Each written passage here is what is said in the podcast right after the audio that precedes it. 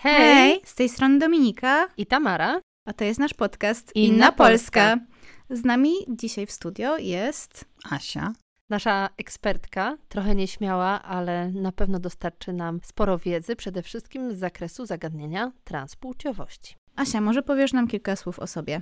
Dobrze, jestem Asia i dzisiaj wtrącę się na kilka słów na temat transpłciowości. To jest nasz odcinek zerowy, w którym chcemy wyjaśnić kilka bardzo ważnych terminów, dlatego że chcemy, aby ten podcast był dostępny dla wszystkich i zrozumiały dla wszystkich. Tak, naszym głównym pomysłem jest to, że chcemy obalać mity, takie zupełnie podstawowe, najczęściej powtarzane, i wyjść trochę z naszej queerowej bańki. Jako, że nagrywamy ten odcinek zerowy w sezonie dyni, liści i kocyków, to zachęcamy, żebyście zaparzyli, zaparzyły sobie jakąś dobrą herbatę, kawę lub inny napój i rozmościli się w naszej gadaninie. Pierwszym terminem, który pojawia się coraz częściej w dyskursie queerowym, jest nieheteronormatywność. Tak, nieheteronormatywność przede wszystkim jest domniemaniem, że heteroseksualność jest jedyną albo idealną orientacją płciową.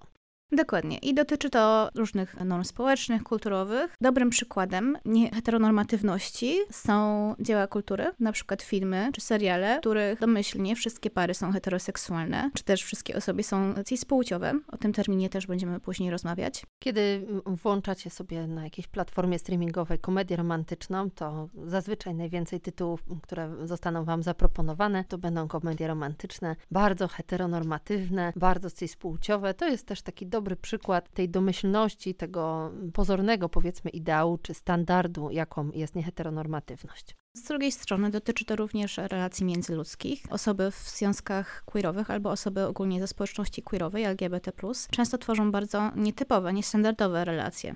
Jedną z takich e, niestandardowych relacji są tęczowe rodziny albo rodziny z wyboru, czyli tworzenie takich zespołów, komun, grup, społeczności, w których jesteśmy związani, związane blisko z osobami, mimo iż nie łączą nas z nimi więzy krwi. W związku z tym nieheteronormatywność wyznacza też e, takie bardzo sztywne role w podziale nie tylko dla osób queerowych, ale też dla osób heteronormatywnych czy heteroseksualnych. Tak, właśnie tutaj popularny jest bardzo taki mit, że nie ma czegoś takiego jak platoniczne relacje damsko-męskie i zawsze doszukuje się tutaj kontekstu seksualno-romantycznego.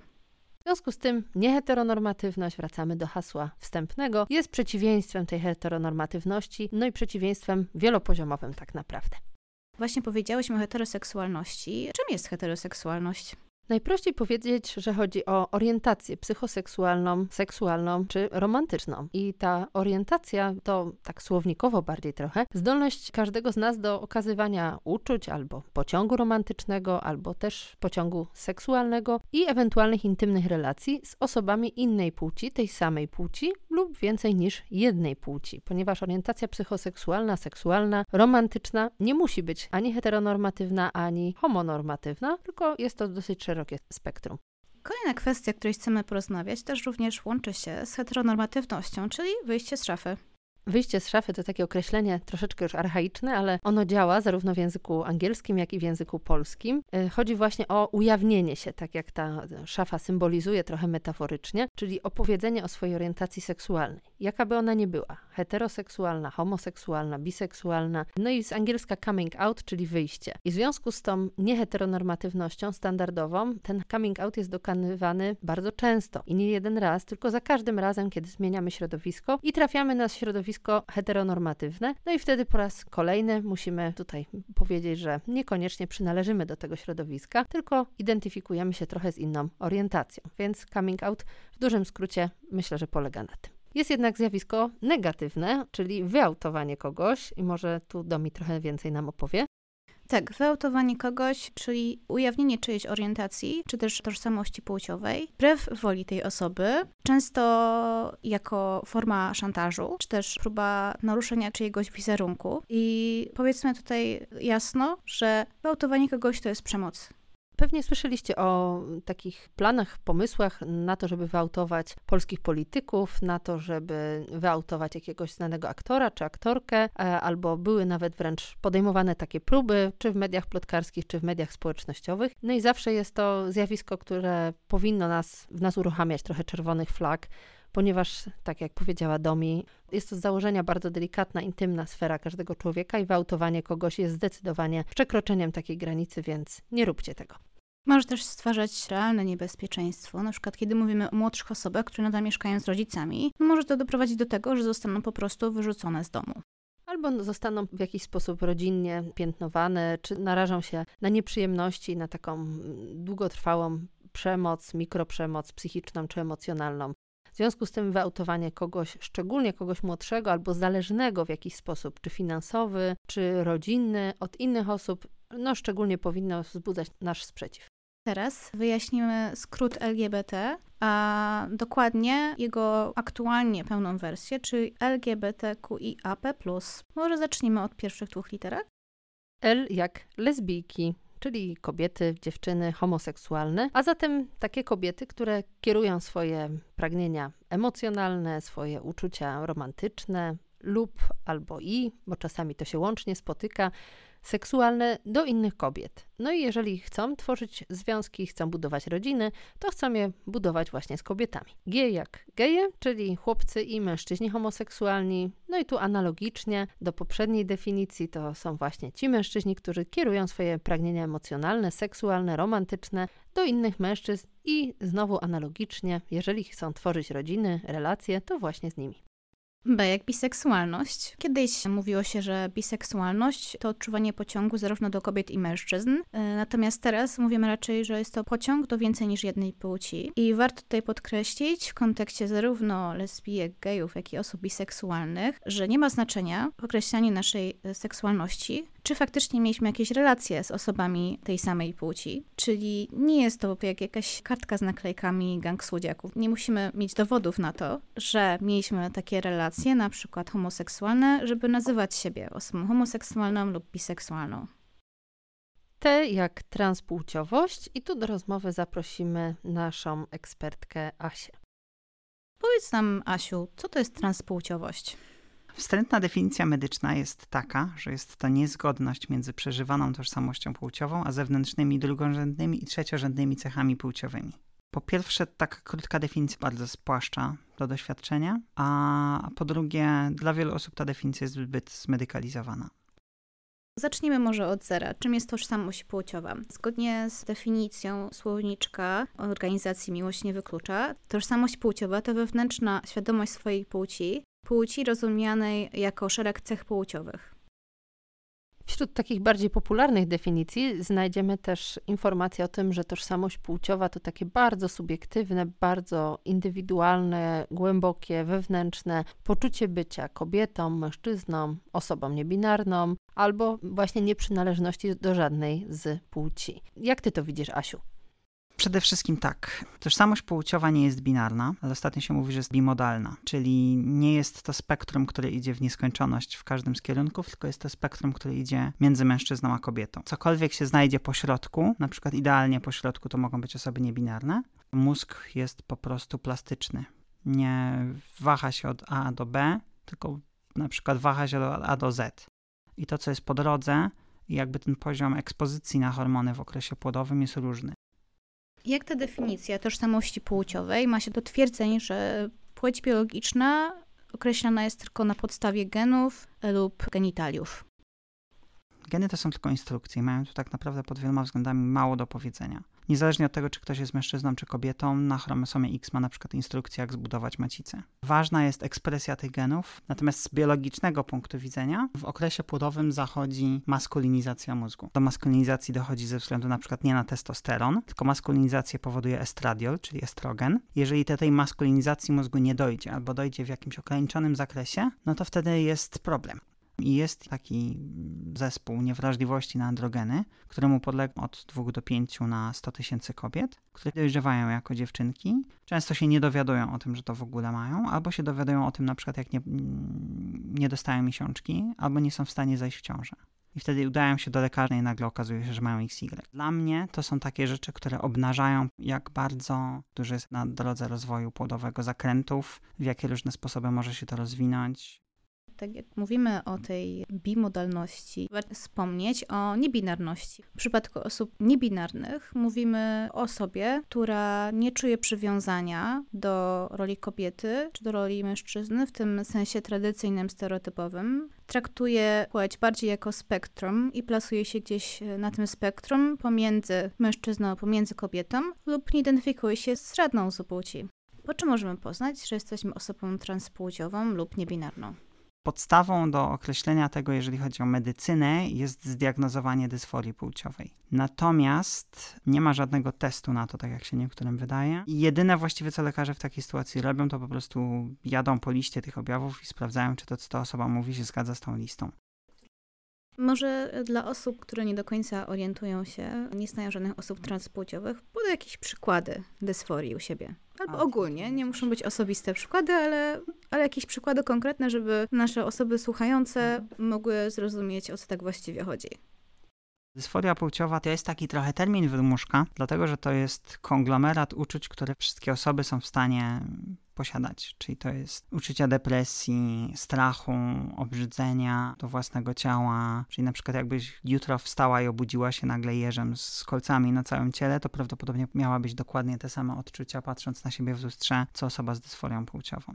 Dysforia dotyczy stricte cech płciowych. To dysforia to są tylko i wyłącznie objawy tej różnicy między ciałem a tożsamością płciową. To są rzeczy, które idą aż do dzieciństwa często, bo na przykład w dzieciństwie może się zacząć od niechęci chodzenia na basen i obnażania klatki piersiowej. Nie chcemy funkcjonować w grupach płci, do której zostaliśmy przypisane. To są sytuacje później podczas dojrzewania na przykład jak się zarost pojawia na twarzy. Też jest takie wielkie poczucie żalu straconego czasu, czyli na przykład straconego dzieciństwa. Tu myślę, że możemy dorzucić takie pojęcie jak passing. Mm, to jest pojęcie anglojęzyczne. Nie wiem, czy ma, ma. jakiś odpowiednik. Chyba nie ma, prawda? No właśnie, może, może ty zechcesz, Asiu.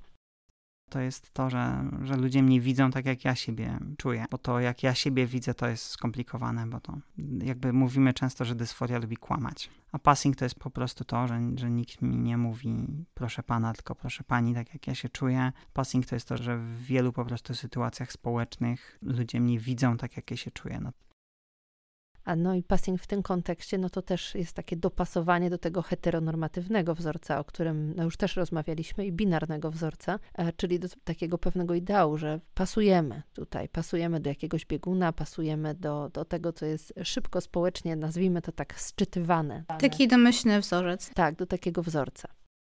Rozmawiałyśmy tutaj o tożsamości płciowej i definicją tożsamości płciowej, tak jak już mówiliśmy, jest wewnętrzna świadomość swojej płci. Ta świadomość naszej płci może być zgodna z przepisaną nam przy urodzeniu. I jak to wtedy nazywamy? No właśnie, wtedy nazywamy to cispłciowością, czyli mówimy tak o osobach, osoba cispłciowa albo cis-mężczyzna, cis-kobieta, która odczuwa taką właśnie zgodność pomiędzy płcią metrykalną, a tym mm, poczuciem swojej tożsamości płciowej. No i do tej kategorii należy zapewne duża część społeczeństwa. Jesteśmy na takim etapie dysforii i co osoba transpłciowa może w takiej sytuacji zrobić, żeby zawalczyć o siebie? Jeżeli jest przed dojrzewaniem płciowym, to może dostać blokery dojrzewania, um, które opóźniają dojrzewanie płciowe. A co jeżeli osoba jest trochę starsza i już ten wiek dojrzewania ma za sobą? Im bardziej wiek jest zaawansowany, tym na efekty działania terapii hormonalnej na dłużej się czeka. Z reguły trzeba mieć jedną długą diagnozę, trzeba mieć całą masę różnych dziwnych badań, w zależności od lekarzy, bo niektórzy lekarze wymagają kariotypu. Poza oczywiście terapią hormonalną są różne operacje, natomiast operacje wykonuje może maksymalnie 15% osób transpłciowych.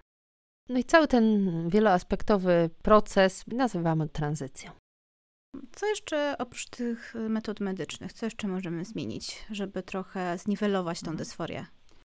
Więc wracając do dzieci, pierwszą rzeczą, którą się robi, to jest tranzycja społeczna. Kiedy dziecko sobie przybiera inne imię, wchodzi w tą nową rolę, sprawdza się, jak się w niej czuje i dopiero jak dojdzie do dojrzewania, to lekarze zaczynają włączać te blokery, a potem jak dojdzie do wieku 16-17 lat, to się zaczyna terapię hormonalną. Natomiast poza tym jest oczywiście uzgodnienie płci prawne, no i jak to jest właśnie z tym uzgodnieniem płci w Polsce? Czy to jest trudne, czy to jest łatwe? Przecież imię można bez problemu zmienić. Imię można zmienić, natomiast imię można zmienić albo na neutralne, jeżeli znajdzie się bardzo przyjazny urząd stanu cywilnego, natomiast z reguły można imię zmienić tylko na imię tej płci, która ma się wpisaną w akcie urodzenia. No, jeżeli chcemy zmienić imię na imię, które urząd stanu cywilnego zakłada, że jest imieniem dla płci przeciwnej, no to wtedy musimy mieć wyrok sądu. Żeby wyrok sądu uzyskać, należy pozwać rodziców.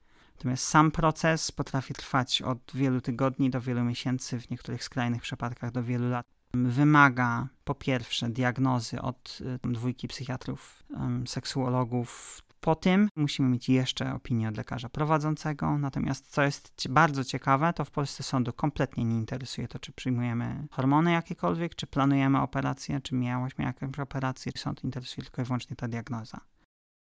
Dziękujemy naszej ekspertce, która myślę bardzo szeroko, ciekawie, wielopłaszczyznowo opowiedziała o e, różnych aspektach transpłciowości i poświęciłyśmy więcej czasu na tę literkę ze skrótu LGBTQIAP+, ponieważ wydaje nam się, że jest to szczególnie ważny temat. Przejdziemy teraz do literki Q jak queer, Queer jest e, bardzo wygodnym terminem, wytrychem. E, może dotyczyć zarówno orientacji, jak i tożsamości płciowej. Często też mówimy o osobach queerowych, kiedy mówimy ogólnie właśnie o społeczności LGBT. I queer też e, oznacza przegięcie, czyli to wszystko, co jest też związane z kulturą queerową, czyli na przykład drag, tak, queer ma też taką pisownię polską, spolszczoną, trochę żartobliwie, przez K i EU, czyli queer. I w ten sposób często osoby ze społeczności polskiej określają się tak parasolowo, czyli to jest takie pojęcie, które obejmuje wszystkie osoby. Osoby stosujące określenie queer często nie chcą sobie przepisać jednej łatki, być może dlatego, że wciąż nie są pewne tego, kim są w 100%, ale też dlatego, że być może nie czują takiej potrzeby. Podobnie z tożsamością płciową. Ktoś może czuć, że jego tożsamość nie jest do końca cis-płciowa, ale z drugiej strony nie chce do końca określić, jaka ona jest, albo nie czuje takiej potrzeby. Literka I jak interpłciowość Osoby interpłciowe to osoby, których cechy fizyczne nie wpisują się w standardowe medyczne albo społeczne definicje tego, co żeńskie i męskie, jeżeli chodzi o cielesność. Warto to podkreślić chyba, że interpłciowość nie dotyczy ani orientacji seksualnej czy romantycznej, ani tożsamości płciowej, tylko tego, jak zbudowane jest ciało, jak funkcjonuje ciało na różnych poziomach. Na poziomie hormonalnym, na poziomie zewnętrznych, wewnętrznych narządów płciowych i na wielu, wielu innych.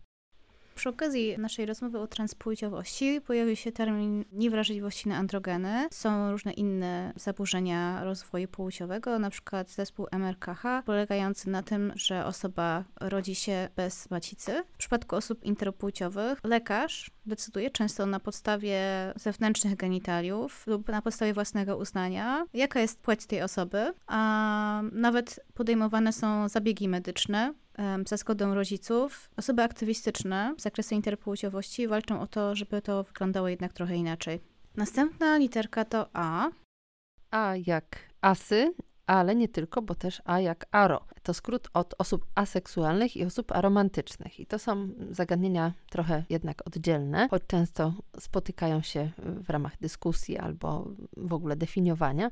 Czyli osoby aseksualne, takie osoby, które albo nie odczuwają wcale, albo odczuwają obniżony pociąg seksualny. W związku z tym seksualność, zbliżenia, intymność seksualna nie są w ich kręgu zainteresowań, co nie znaczy, że nie chcą wchodzić w związki romantyczne, przyjacielskie i inne. Natomiast osoby aromantyczne to osoby, które nie odczuwają potrzeby tego związku romantycznego albo odczuwają go w niewielkim stopniu i tu znowu na zasadzie przeciwieństwa mogą odczuwać oczywiście pociąg seksualny, mogą prowadzić życie seksualne. Ostatnią literką, o której chcemy powiedzieć, jest P, czyli panseksualność. Panseksualność polega na tym, że odczuwamy pociąg seksualny do osób niezależnie od ich płci. Trochę żartem mówimy, że nie pociągają nas genitalia innych osób, ale pociągają nas właśnie te osoby. Tak, zespół cech, które składają się na osobowość, te kwestie emocjonalne, romantyczne, ale jest to wszystko niezależne od tożsamości seksualnej i niezależne od płci. I tutaj nie należy mylić osób panseksualnych z osobami biseksualnymi, ponieważ dla osób biseksualnych płeć jest istotna w doborze osoby partnerskiej. A w przypadku osób panseksualnych ta płeć właśnie w ogóle nie ma znaczenia. Te osoby są jakoby ślepe na płeć. No i jeszcze mamy taki plusik, który dodajemy tutaj. Właściwie to o co chodzi z tym plusem? No właśnie, często spotykacie się z skrótami LGBT, albo LGBTQIAP lub z innymi.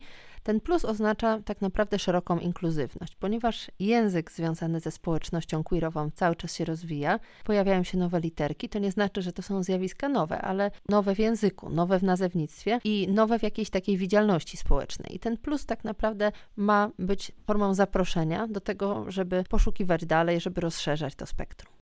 Jeśli chodzi o ten skrót, o tą długą wersję LGBTQIAP+, tak naprawdę stosujemy ją głównie w piśmie. Na co dzień mówimy LGBT+, i to jest zupełnie w porządku. Nie musicie nawet znać całego tego skrótu. Będzie zupełnie w porządku, jeśli powiecie LGBT+, ale proszę nie mówcie LGB. Ale o tym może jeszcze inny odcinek. Jako taka ciekawostka, według e, Dalia Research w Polsce żyje około 2 milionów osób LGBT to jest 5% społeczeństwa. Z różnych literek się wywodzą te osoby oczywiście. Mamy nadzieję, że te terminy ułatwią Wam słuchanie podcastu i trochę przybliżą tematykę LGBT. Jeżeli będziecie chcieli, chciały poznać jeszcze więcej terminów albo coś będzie dla Was niejasne, zawsze możecie do nas napisać za pośrednictwem naszych mediów społecznościowych. Znajdziecie nas pod hasłem Podcast Inna Polska, zarówno na Facebooku, jak i na Instagramie. Wkrótce wyjdzie pierwszy odcinek, pierwszy prawdziwy odcinek naszego podcastu.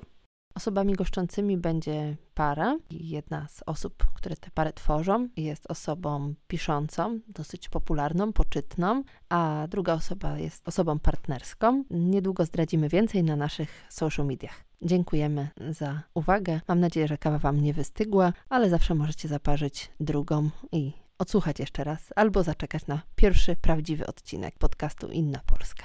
Za udział w odcinku zerowym raz jeszcze dziękujemy gościni specjalnej Asi. Dziękuję bardzo i cześć. O tęczowych literkach rozmawiały Agnieszka Tamara Filipiak i Dominika Błażyca.